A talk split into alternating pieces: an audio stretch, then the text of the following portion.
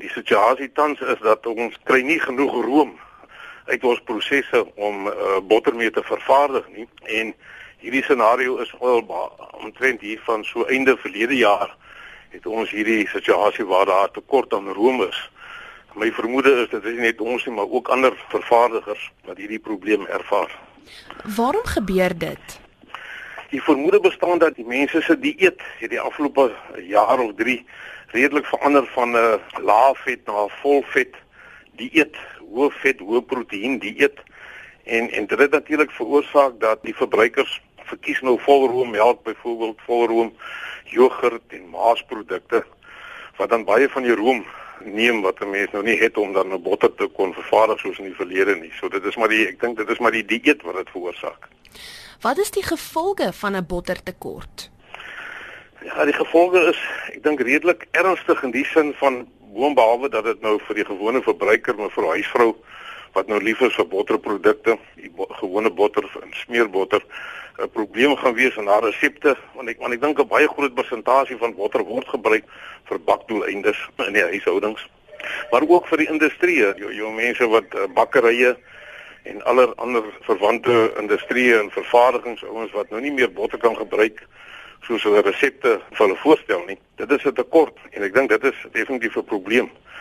Die feit dat internasionaal het botter ook ewe skielik hier van Januarie maand af baie skaars begin raak en geweldig duur in die sin van die die botterpryse is omtrent so rofweg 40% verhoog sedert Januarie tot nou wat natuurlik dit baie moeilik maak om om botter in te voer teen 'n uh, goeie prys nog op die mark te sit in Suid-Afrika. En wat is die gevolge vir julle bedryf? Ja, dit is nogal drasties in die sin van dis verseker minder deurset, minder inkomste wat natuurlik vir 'n vir 'n maatskappy soos ons nogal belangrik is. Die werkskepping op die platteland waar ons vir ons fasiliteit geleë is, wil mense graag agteruit laat sien gaan nie. Maar ons is volle vertroue dat ons weer sal kop oplig en dat dit nie so groot effek sal hê daarom dat mense uh, daarom nou uh, probleme sal hê van mense af lê of so nie. Is daar ander lande wat al in die verlede 'n tekort aan botter ervaar het en hoe het dinge daar uitgespeel? Amerika, Europa wat groot produsente van botter is, het natuurlik nou dink in in hulle winterperiode minder produk vervaardig.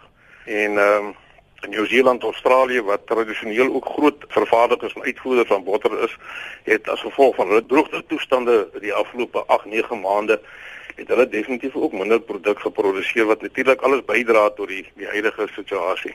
En ons droogte hierso speel ook seker 'n groot rol. droogte speel definitief 'n rol veral nou waar ons in die winter is waar melkproduksie steeds nou 'n bietjie laer is as in die somermaande.